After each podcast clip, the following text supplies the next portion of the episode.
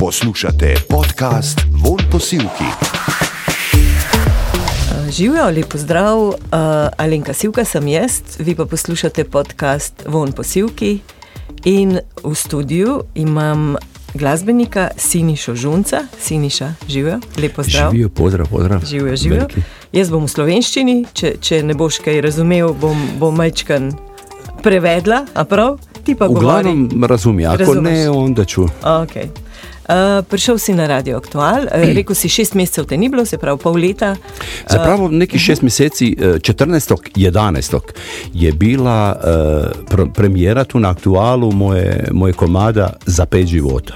Eto, od 14.11. otprilike nekih, jel, Okay. ajmo reći šest mjeseci. Zgodaj je, sva se pogovarjala, v pol šestih je bilo treba vstati, ampak praviš, da to za glasbenika ni problem.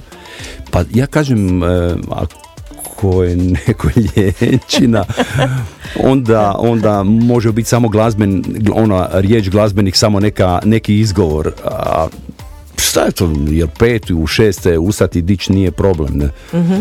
Kaj pa, kaj pa ko, ko po noči, ko, ko, ko poješ, ko, ko imaš koncert, ko imaš zabavo, kako, kako pa takrat zdržiš? Cause I'm Bez problema, ovaj, malo prije kad, kada smo imali sad ovu premijeru ove nove pjesme Ruža s juga, onda su izvukli tamo kad je Duško Lokin e, imao isto VIP show i premijeru svoje pjesme, ti za moju tugu ne čuješ, onda je on spomenuo kako ovaj Siniša Žunec je, on je to, sad sam slušao, nisam znao do sad, je čudo i kako je Siniša e, ovaj, u kondiciji da mogu dva dana i dvije noći nastupati i pivati. I to je stvarno istina, a Res. Ako treba i više, puno A, više. Ali ajde, Duško je to Ja. tako. Brez premora. Ma bez, bez Dva, problema. dneva in dve noči lahko. Bilo je po tri A dana res? i A res? četiri nije, Aha. nije nikad bilo. No, to pa je kondicija, ne? To je, to je dugogodišnja kondicija, to, je, to se mora steći, znači ne može po meni onako, ja ću sad biti pjevač, sjetice, evo sad ćemo tebe napraviti pjevača ili pjevačicu Mm. i sad ćeš ti naučiti komade, te pisme, tekstove i Mm. band će te dobro pratiti. Tu je uvijek, to, to, se, to publika, publika je ta koja to osjeti, vidi sve te nedostatke. Mhm. Oni se mogu tješiti da ne vide, ali vidi se, osjeti se to. Kaj pa glas tako na vse zgodaj? A veš, eh, nekateri tudi glasbeniki, ki sem jih gostila v tem studiu, so se mečkam pritoževali, da glasijo pa zjutraj, da ne morajo pet. Ti si pa kar lepo pel, v, v, nisi imel nobenih težav. E, ovisi, samo, samo može se dogoditi, to je uvijek svim pjevačima e, to, to, to, to je jedna nezaobilazna stvar da ako te uhvati neka prehlada, popio si prehladno neko piće ili nešto, onda znate, onda ti može doći da meni, meni osobno može doći da neću imati onaj 100% kvalitetu onog što ja mogu dati glasa. Ali ću ga dati sa 60, 70 i treba znati, treba znati zagrijati glas. Znači ne odmah krenuti nekim lagama koje znaš da nisu u tom trenutku za tebe. Prvo se lijepo malo zagrijavaj. Moraš, znači poslo, nekada repertoar mora biti posložen ovako, nekada onako. Nekada zbog glasa, a nekada zbog fešte, da ljude znaš ovaj, da ih zna zagrijavati i tako. to je je. isto kao glas, tako i sa publikom. Aha, tako mora Zagrijavanje. biti neka dramaturgija, ne se pravi, Dramat- neka može, može. Predigra, potem vrhunec, pa potem dol. Ali to čovjek mora isto osjećati. E, to, taj, tu, Brez tega Tu ne gre. da. A lahko mogoče en košček pesmi, ta roža z juga, bi šla malo tako. e, kako ne? No, pa da je. Ruža s juga. Za mene postoji nijedna druga. Najljepši moj cvice Moja ružo s juga. Ja sam te ubra I volit neću stati. Lipa ružo s juga. Vrati se, vrati. No. Um, sin Martin je s tabo, koliko kolik je on zaslužen pri tej pesmi in pri vseh pesmih nasploh? A Martin je 200% zaslužen. 200 posto. 200%. Jer, jer Martin Žunec, e, osim što se pokazao kao veliki eto po ovim pjesmama Ljube, Ljube, Jedino more zna, na svitu sve. Za pet života sad koji je, vidim, postaje veliki, sve veći hit, pa i sad ova ruža s juga, sve su to tekstovi od Martina. Aha. Glazba je od Bravo, Martina. Martin. Martin Žunec. Martin Žunec. Produkcija, znači on ima i studio, e, odsvirao je sve instrumente, znači sve ovo e, zapravo je rad od Martina, mladog autora Žuneca. Ne samo to, nego nema granica, onda dalje i video produkcija, ovaj spot koji sada se može pogledati na YouTube-u i ovih ostali pjesama koje sam nabrojio, isto je sve napravio Martin Žunec. Pa odkot? Odkot mu to? Odkot, E, sad ste postavili pitanje za Martina. Martina, Ugibam, ugibam, a je rastu skupaj, mislim, eh, je, je bil zraven v studiu, je bil zraven na, na zabavah, kako, kako je muzika prišla v njegovo kri. E, Pa glazba je bila, glazba je bila stvarno u našoj kući od prvog dana.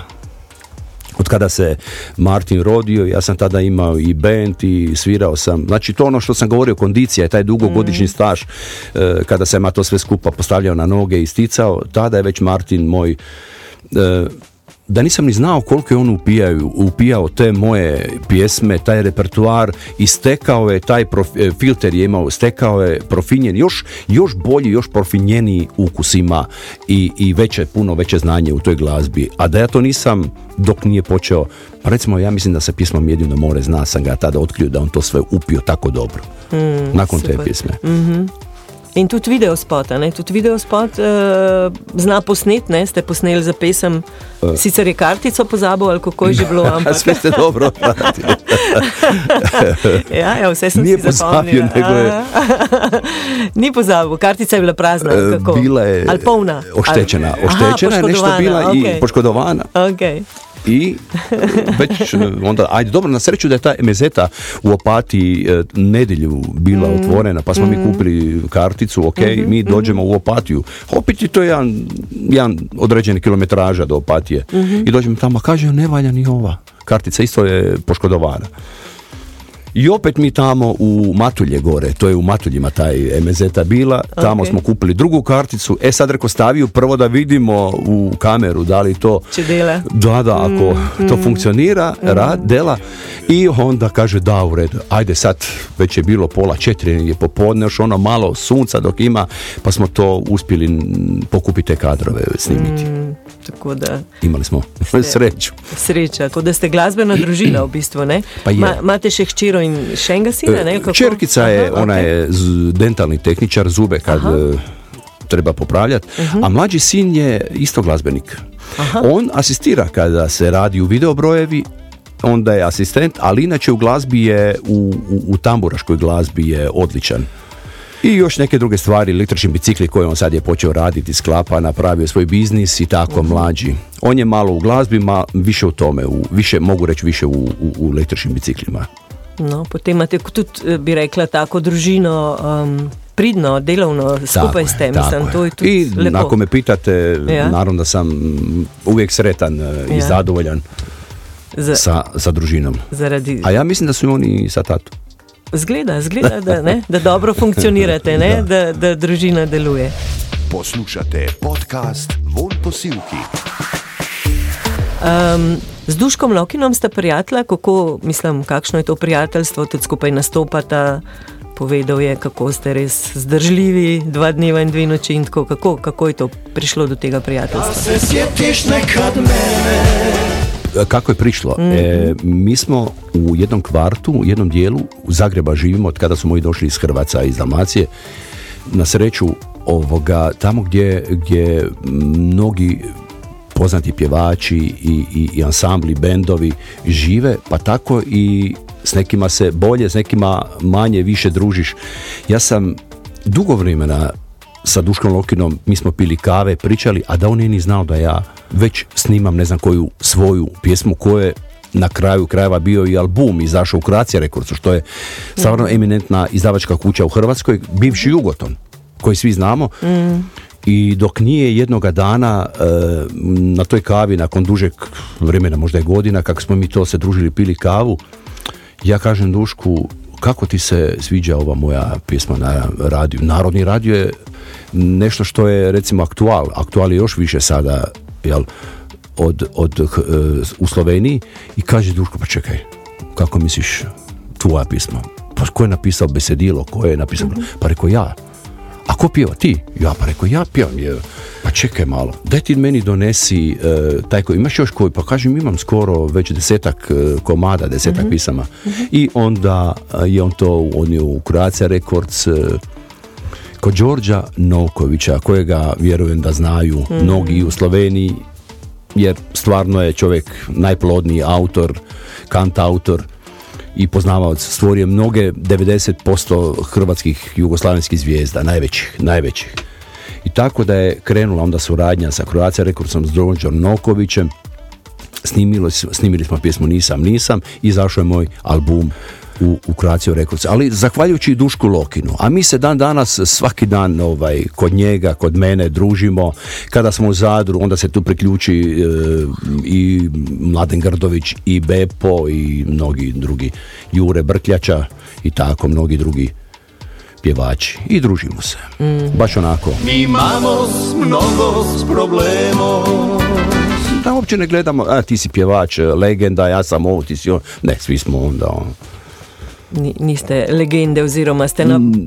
običajni ljudje, kako bi rekla. Najobični. Um, kakšno, je življenje, kakšno je življenje glasbenika? Mislim, kako vas napolni en koncert, en nastop, recimo, kako to zgleda? Uh, kad, kad nastupaš, uh, jednostavno, kad uh, vidiš da si napravio ovaj, ovaj sev trud. Znači, stvaranje jedne pjesme danas nije tako ono, ja ću snimiti album, pjesmu jednu pozamašnu svotu, kad se sjetimo u početcima, pozamašne svote, po par tisuća eura trebaš uložiti jednu pjesmu, pa doći ovako e, do neke prilike da možeš tu prezentirati pjesmu. I onda kad dođeš na koncert i kad vidiš da ljudi, velika, velik broj ljudi sa tobom, isto tako sa to, to je, to je ta nagrada. Jedan, jedan osjećaj kada, kada se ti ježiš Hmm. kako se to kaže kad ja, se neko strežiš malo. Isto rečemo. uh I, i, I onda skoro nekada ti krenu i suze jer si e, toliko sretan da se to toliko ovaj na kraju isplatilo raditi. Onda to je taj neki adrenalin koji jednom kad uđe u pjevača onda te to drži e, cijeli život. Svaki puta kad radiš e, pjesmu, opet e, jedna određena euforija, kako će sad opet ta nova pjesma se primiti. Prošla je bila super, ljudi se primili, a hoću sad, onda si misliš, hoću sad za ovom zabrljat stvar, hoću propasti mm. ili kako će to biti. Nek pritisk, ne? Nek Neki, da, mm. pritisk ima. Mm, I dogodilo se Zahvaljujući ovoj ekipi, znači moje Martinu Žunecu koji je veliki autor i glazbenik, e, da, da se je pokazala ekipa, da je ovo sad već ne znam po koji puta se e, potvrdila ta, pa ćemo vidjeti do kud dođe. Neka vrijeme, Kjer je pa mogoče bi še eno pesmico od vas rada, zdaj da mi mečkam zapojete eno po vašem izboru, recimo, da, kjer vam je najbolj pri srcu ali pa ne vem največji hit ali pa mm. po, po, kar, kar si zdaj le zaželite. Recimo, Od mojih pjesama, ja, tako. Ja, seveda. Uh, teško je to uh, nekada izdvojiti. Kot otroci, neko bi rekli, kje je najljubši Ovo se sada dali jedan, jedan u nulu primjer. E, to su kao otroci. Ja. Ali m, meni je jako, jako draga sada ova zadnja za pet života. Ljubavi za pet života si mi dala. To sad možda ne bi trebao i ne znam da li se to tako je zgodno reći ovako javno u eter, ali za pet života je uz jedino more zna sve poštovanje, ali meni je ta Najljubša. nekako da. uh Šapat mora, čaša vina, zvuk gitara, mandolina i tvoja ruka u mojoj sve su što životu sreću daje. Život leti, brzo prođe, mladost ode, Starost dođe, al tvoj osmješ to dušu grije ljube, zauvijek nek traje. Ljubavi za pet života si mi dala, spasila si srce i zato ti hvala. Bez tebe nemam ništa, a s tobom imam sve. Ajmo zajedno. I tako. Res, res je lepa, lepa pesem. Uh, hvala, Siniša, hvala, ker uh, si prišel v studio in po, da sva posnela podcast Von posilki. Uh, bilo je lepo se pogovarjati s tabo in lepo poslušati pesem. Meni je bilo jako ugodno. Evo. Hvala vama puno, puno. Hvala. Von posilki.